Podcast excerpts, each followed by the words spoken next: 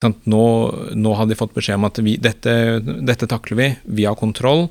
Vi setter inn alle, nå setter vi inn alt vi har for å hindre terror. Og da, når det ikke går, da har du liksom ikke noe Da, er det ikke noe, da har du ikke noe forsvar igjen.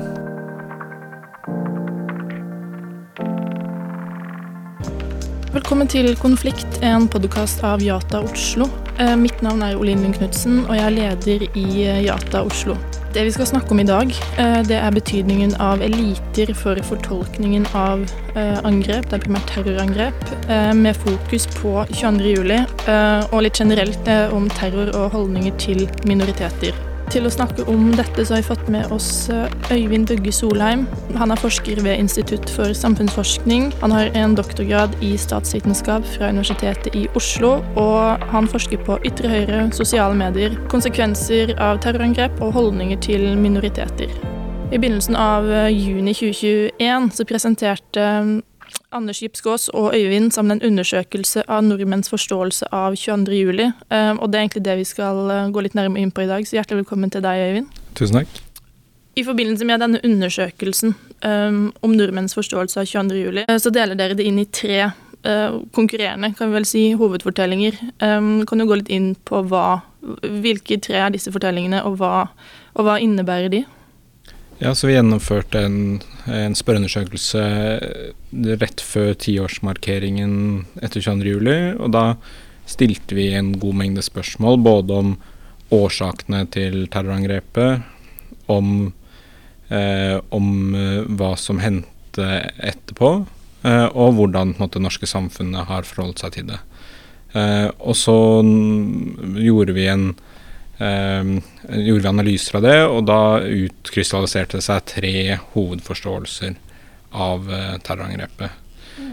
De, og det kaller vi fortellinger, men er måte, det er på en måte synspunkter om forskjellige ting som henger sammen. Da. Så de samme menneskene vil mene flere ting innenfor en fortelling. Og så er det sånn at man kan eh, Mange vil nok være enig i flere fortellinger også, men, men det, er liksom, det er hovedforståelser av 22. juli. Uh, og den første, uh, det vi har kalt demokratifortellingen, er den største, og den kjenner vi igjen fra Stoltenberg sine taler, fra på en måte tida, den politiske uh, svaret rett etter 22.07. Og det handla om, om, at det var et angrep på demokratiet. Terrorangrepet handla liksom om, om, det norske demokratiet, og det var demokratiet som måtte bli sterkere. Eh, og det vi finner, er de som mener at det var demokratiet som var det som ble angrepet, de mener også eh, at vi i dag har sterkere verdier. At terrorangrepet liksom ledet til sterkere demokratiske verdier i Norge. Eh, men de mener også at terrorangrepet ble håndtert på en god måte. Så de er på en måte fornøyd med, med hvordan vi, vi, svarte på terrorangrepet. Mm. Og noe som igjen da bidro til økt tillit, da, både til politisk ledelse ja, så Det man så rett etter 22.07, var jo en stor mobilisering eh, rundt eh, politisk ledelse. og det, det, er på en måte noe vi ser i Det er en vanlig reaksjon på terror. da, når, I hvert fall når det er enkeltangrep som kommer litt sånn ut av det blå. Mm. Så 11.9 hadde jo samme typen reaksjon, men også andre terrorangrep der hvor, eh, der hvor det ikke har vært liksom, politiske gnisninger i responsen. da. Så når mm. terrorangrepet kommer og og, og, det ikke er noen grunn til å være misfornøyd med myndighetene fordi terrorangrepet har skjedd, så vil, det som, vil det som regel lede til at det blir veldig høy tillit og en samling rundt politisk ledelse. fordi og de, etter et terrorangrep så blir jo liksom statsministeren eller presidenten blir plutselig liksom brohodet, den personen du ser på TV hele tiden. Det er den personen som snakker, og media blir veldig lite kritisk. Så media liksom eh, bidrar i den, den, det å skape et fellesskap etter et terrorangrep. Da. Og da, det, da, ikke, da kan ikke media gå og stille kritiske spørsmål til statsministeren. Stoltenberg, Du kunne ikke stille veldig kritiske spørsmål til Stoltenberg rett etter 22.07. Da ville eh, det ville alle synes var upassende, og, og det, ville liksom, det, ville ikke, eh, ja, det ville ikke fungere bra. da. Men eh, som vi kommer inn på etterpå, kanskje, så har vi jo sett at f.eks. etter NIS-angrepet i Frankrike, da hadde Frankrike opplevd to store terrorangrep på kort tid. Charlie Hebdo og Bataclan og angrepene der i Paris. Og da så vi ikke den samme da, så vi nedgang i tillit. Og da gikk det veldig kort tid før Hollande ble eh, angrepet. Da. Så ja, da kom opposisjonen på banen med en gang og angrep og mente at dette var for dårlig. Um, så, det, så, det, er litt avhengig av kontekst. Men det vanlige reaksjonen er en uh, samling rundt politisk ledelse. Samling, uh, en økning i tilliten til andre. Sånn, nå står vi sammen. Ja, Så demokratifortellingen minner på en måte om den, uh, den liksom vanlige reaksjonen. og det er vanlig av statsledere å understreke demokratiet i møte med terror. Terroren angriper demokratiet. Så er den eh, andre fortellingen vi finner, er det som vi kaller mangfoldsfortellingen. Eh, og den eh, Der er liksom breiere Der er, er De mener at angrepet ikke var, var, på demokratiet, men det er også mot det flerkulturelle Norge. Det er mot Arbeiderpartiet og venstresida. Så folk har en liksom breiere forståelse av hva angrepet var mot, og mener ikke at det bare var et liksom, upolitisk angrep på demokratiet. Eh, og de som mener det, de opplever at oppgjøret etterpå ikke har vært bra nok. At vi ikke har gjort det Vi har ikke liksom fått uh, tatt et ordentlig oppgjør med det som skjedde. Uh, og de har også en liksom, breiere spekter følelser, så mens demokrati, de som støtter demokratifortellingen, primært er lei seg når de tenker på 22. juli, er disse mer sinte og redde. De, de At man burde tatt liksom kampen, eksempelvis rasisme, i større grad da, enn det man gjorde. Ikke sant. Eh, de vil ta et, uh, ta et, større oppgjør med de politiske understrømningene som leder til 22.07. Og mener på en måte vil nok mene at terroristen ikke akkurat var aleine om det. Og at, og at, vi, og at vi ikke på en måte har gått ordentlig gjennom hvorfor, hvorfor var det han drepte folk i AUF og ikke andre. Hvorfor var det han Eh, var så sint. Hva, hva slags eh, strøm, politiske eh, tankestrømmer var det som til slutt ledet til det?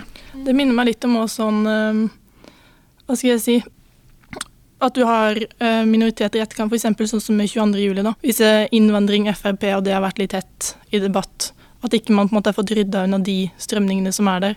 Og samme sånn som pride i fjor, hvor det var veldig Da var det ganske sånn het debatt de månedene før. Hvor mange, i hvert fall i ettertid òg av 25. juni, ikke At man kunne gjort noe før utenom det som bare går på kun konkret selve angrepet, da. Men de strømningene som eventuelt har vært stoppa det før, da.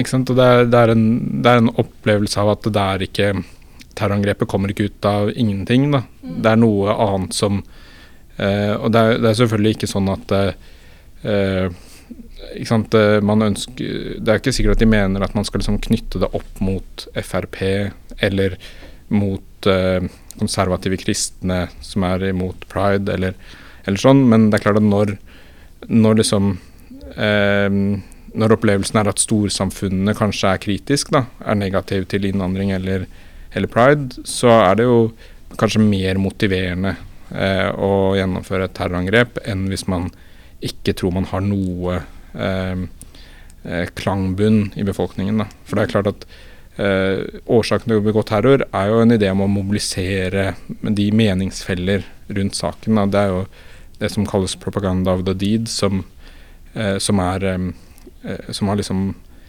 vært en sånn ideologisk idé rundt terror siden de første anarkistene i Russland på starten av 1900-tallet. Så men den, den, siste fortellingen eh, vi finner, er, er ganske Altså mens mangfoldsnarrativ Altså demokratifortellingen ligger på 40 støtte i befolkningen rundt tiårsmarkeringen, så finner vi at mangfoldsnarrativet har 25% støtte i befolkningen.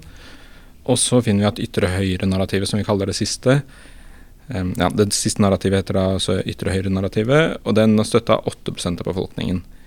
Eh, og der De mener ikke at det, de har De støtter ikke at det var et angrep på noe som helst, egentlig. Det er ikke et angrep på demokratiet, det er ikke en eh, eh, angrep på det flerkulturelle Norge, ikke sant. Det eh, ikke på Arbeiderpartiet heller. Eh, men de mener også at terrorangrepet skjedde pga. innvandring. Så det ligger jo litt på en måte i, det, i forlengelsen av det jeg sa tidligere, om at eh, en forståelse av hvilke strømninger som er i samfunnet. Så en idé om at innvandring på en måte pressa fram terrorangrepet. da. Uh, og de opplever også at Arbeiderpartiet har slått Når vi spør om Arbeiderpartiet har slått politisk mynt på angrepet, så sier de ja til det. det de, de, opplever på en måte at angrepet har blitt utnytta politisk. Uh, og så syns de også at det er for mye politisert. Så det er liksom Det er ikke det at vi ikke har tatt et oppgjør, vi har tatt for mye oppgjør, egentlig. Uh, dette er en, og alle i Norge er egentlig enige om at det er en gal manns verk, når vi spør om det. Men disse vil nok mene at, liksom, at, det som skjedde, er veldig individuell handling av terroristen, eh, og ikke noe som skjedde pga. Eh, eh, et hat mot Arbeiderpartiet som er breiere enn bare noe eh, han hadde, da.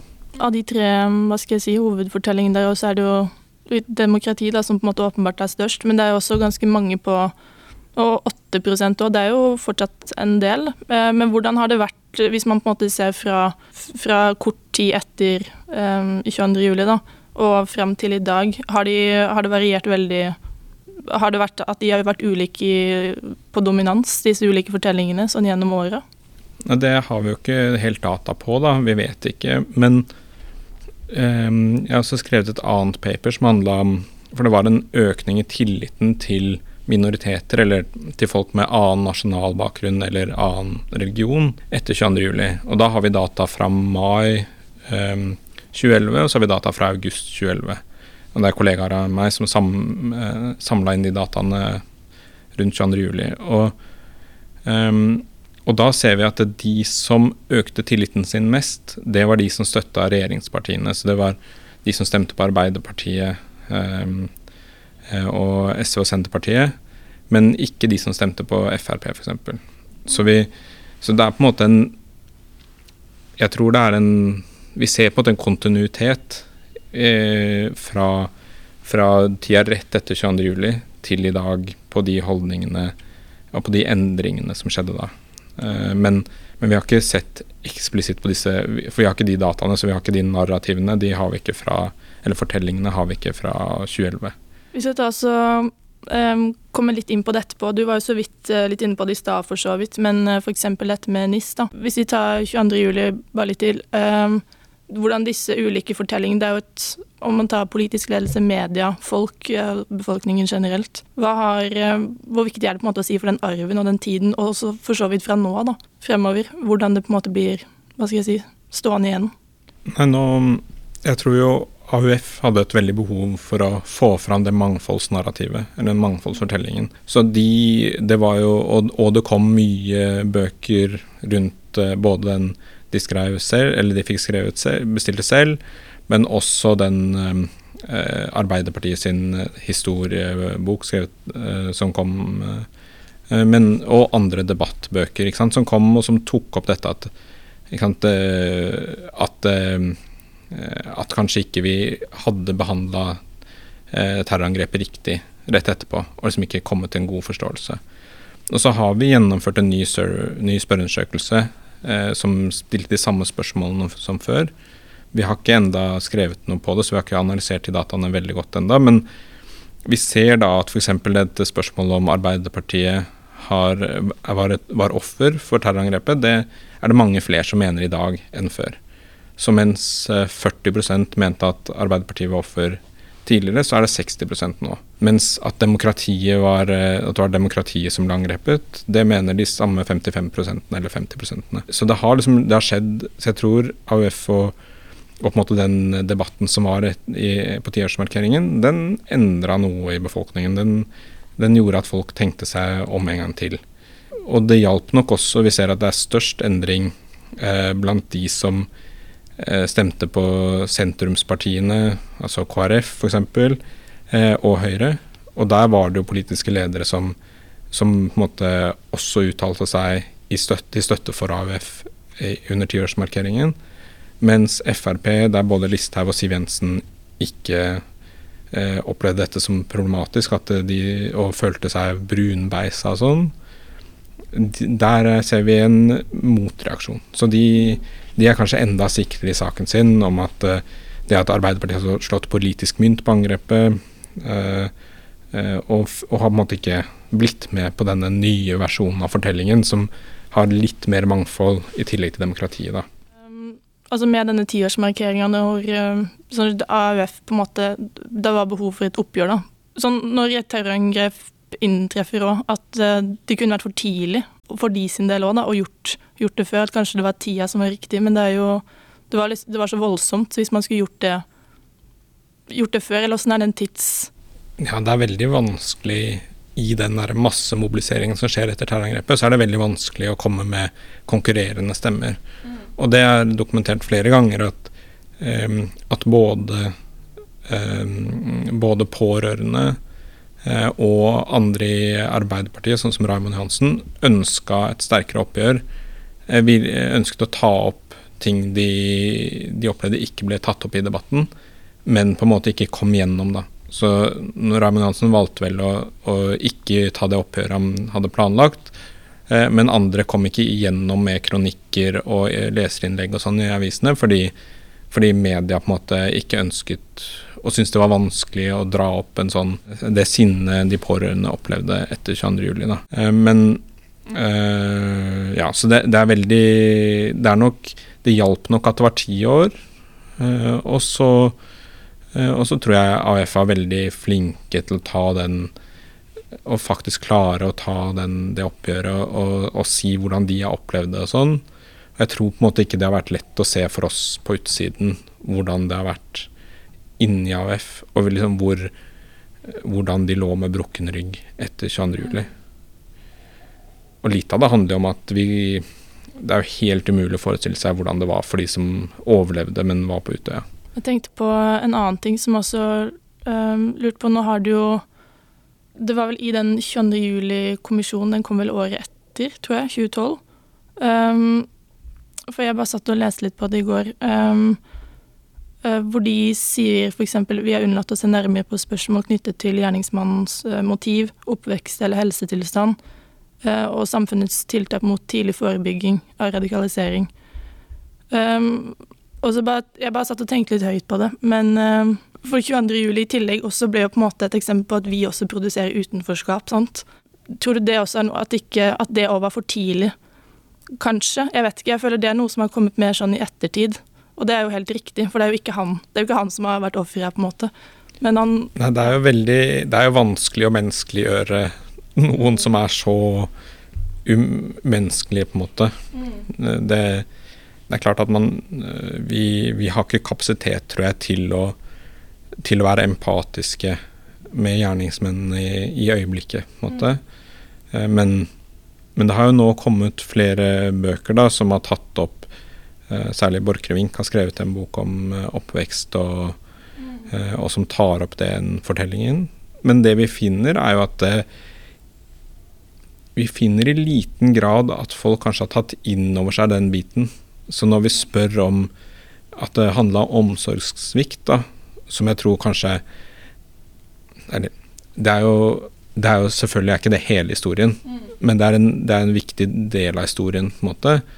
Eh, så finner vi at det er, det er det, Der spriker det litt. Det er ikke noe allmenn oppslutning om den, den versjonen av historien. Mm. Um, sånn at eh, jeg tror eh, men det, jeg tror også det ble jo veldig vanskelig det at de, eh, de psykiaterne var uenige, psykologene var uenige under rettssaken og sånn. Det gjorde det veldig vanskelig. Hva, hvordan skal vi Skulle vi ikke dømme en person fordi den var sjuk? Var, var han sjuk? Og, og, og, så ble det på en måte viktig å si at han var tilregnelig. Men det betydde jo ikke at han ikke var sjuk. Mm. Altså var jo, de var jo også tydelige på at han var sjuk.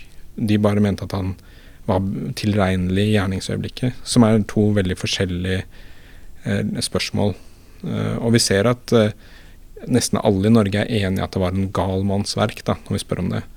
Altså Med 22. juli også, var det Det ble jo på en måte et, det var et avvik sånn sett når det skjedde. Eller veldig sjokkerende og overraskende for alle. Jeg tror man hadde ikke sett det samme før. Og så er det flere som har kommet i ettertid. Det har jo kommet flere angrep, både her og, og, i utlandet. Men at det ble på en måte med et vendepunkt. da. Og man kan jo ikke heller helgardere seg for at ikke det kommer til å skje angrep igjen. Så jeg bare tenker det er viktig at man Hvis man skal se på, på en måte årsaken her, så er det selvfølgelig sammensatt. Men hvis man skal se på det forebyggende aspektet radikalisering, unngå at folk kan potensielt havne inn på et løp hvor man kan bli dratt inn i noe annet. Og at man også på en måte ser på det utenforskapet vi produserer, da.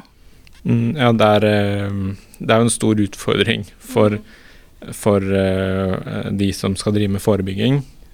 Der, men der er vi på en måte på en måte ganske heldige i Norge, fordi vi har et så omfangsrikt sosialt nett. da. Mm. Så folk fanges kanskje mer opp i Norge enn andre steder. Uh, men det som har vært Det som kollegaer på Cerex har vist nå i det siste, er jo at Eller det vi vet, er jo at de høyreekstreme har blitt eldre.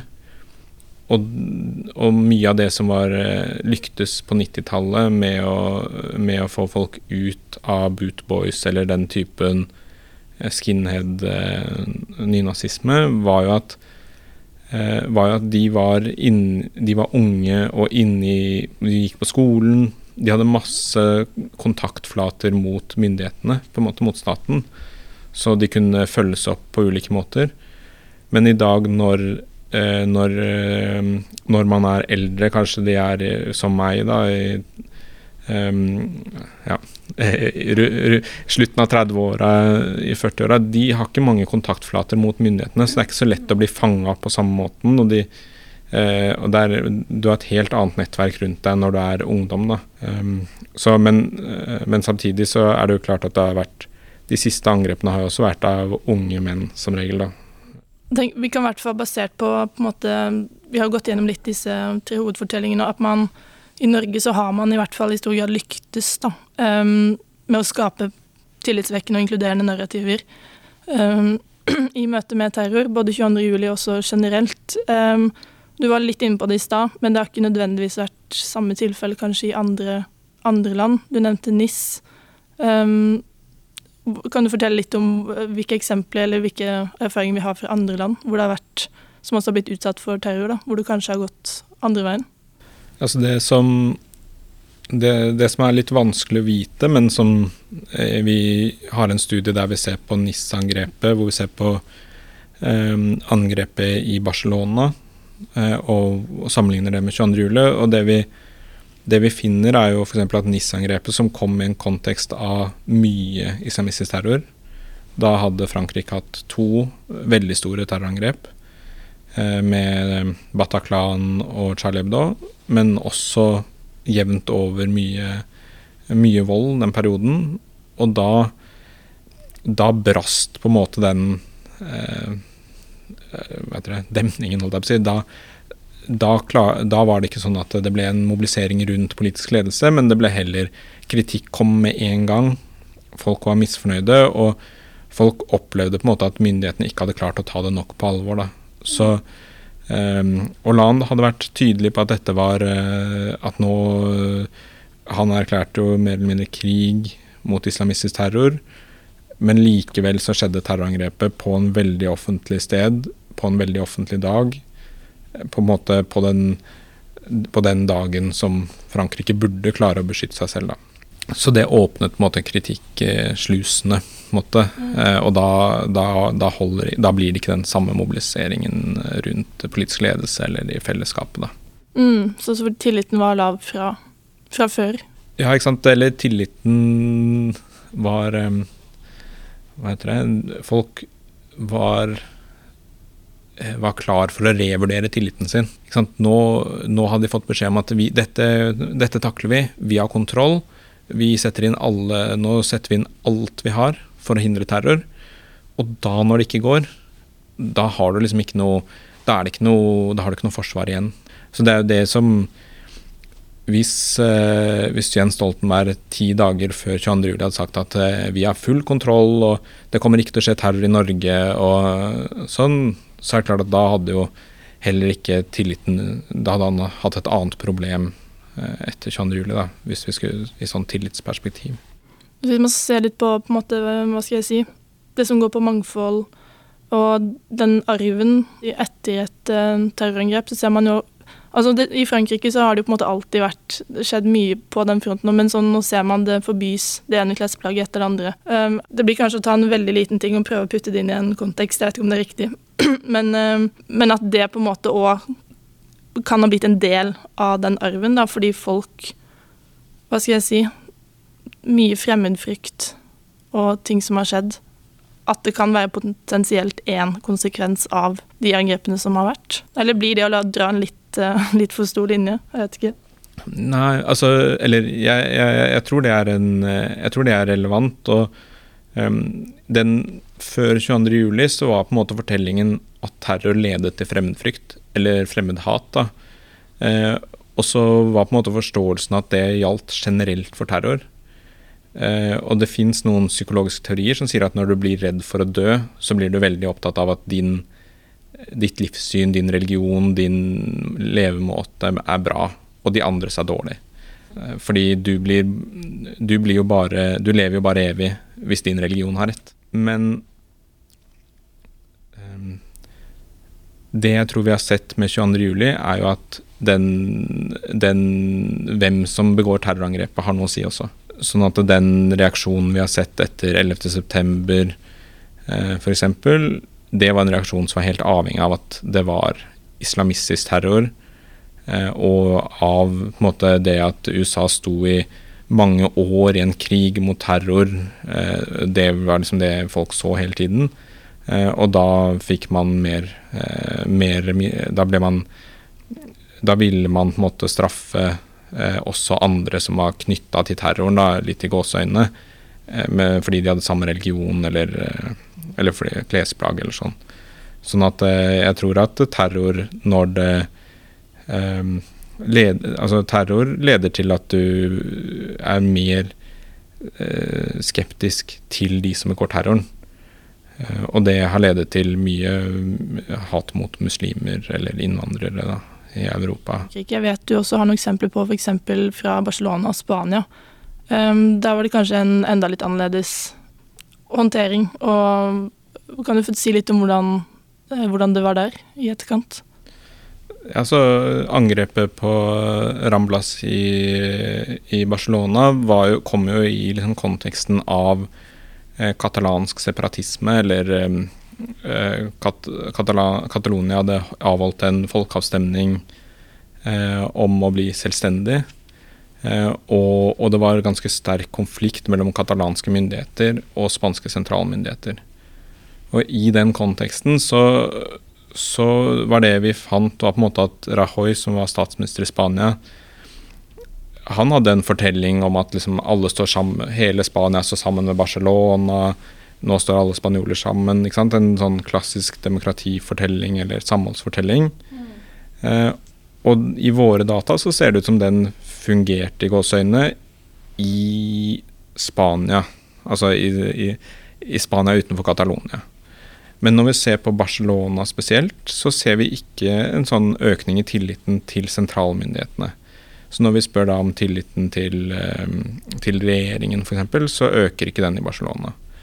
Men det vi ser at øker, er tilliten til terrorhåndtering. Um, og det som skjedde i Barcelona etter terrorangrepet, var at uh, det ble sånn For Catalonia har jo egne eget politi, på en måte.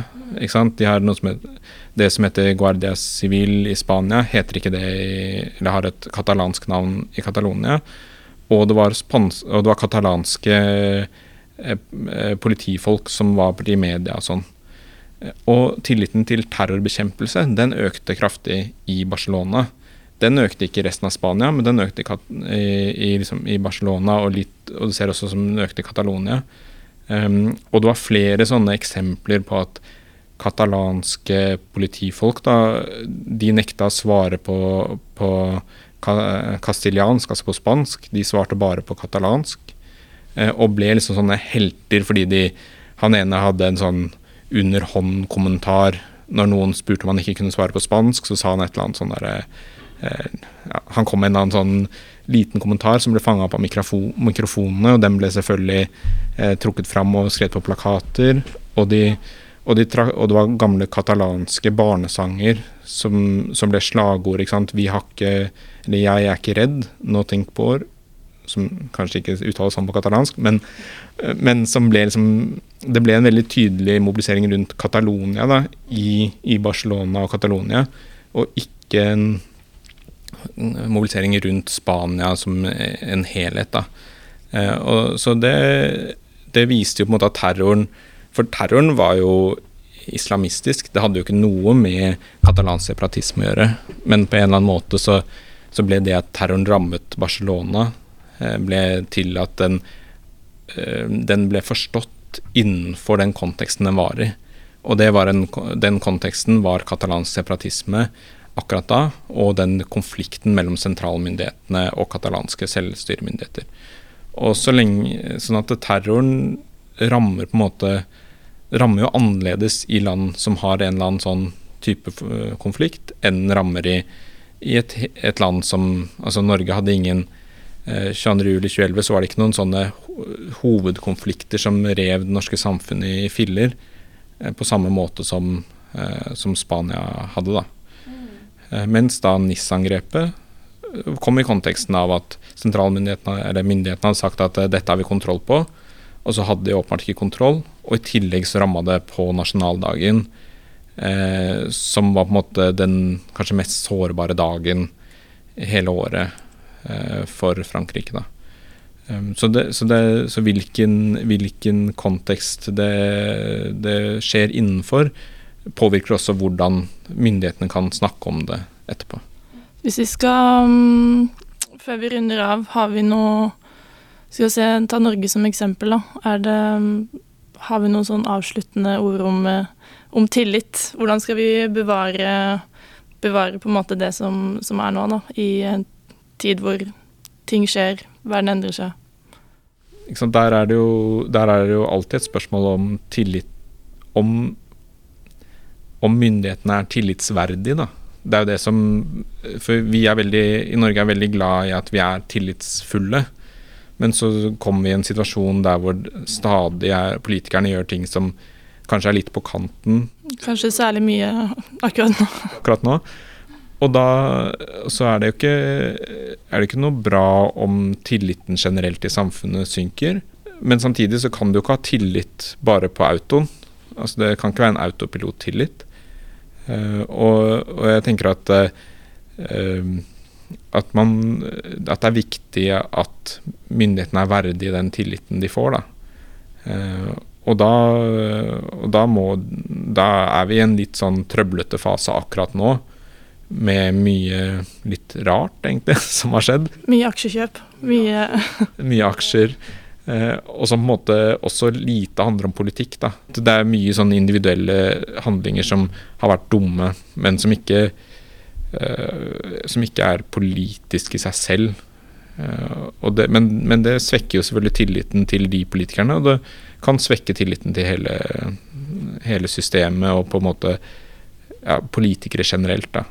Men, men det, da må politikerne skjerpe seg, da, egentlig. Ja, det er så lett og så vanskelig på en gang. Det er der det begynner. Nei, men eh, Øyvind, tusen takk for at du hadde lyst til å komme til eh, Konflikt. Det har vært veldig, veldig gøy å ha deg med. Tusen takk for at jeg fikk komme.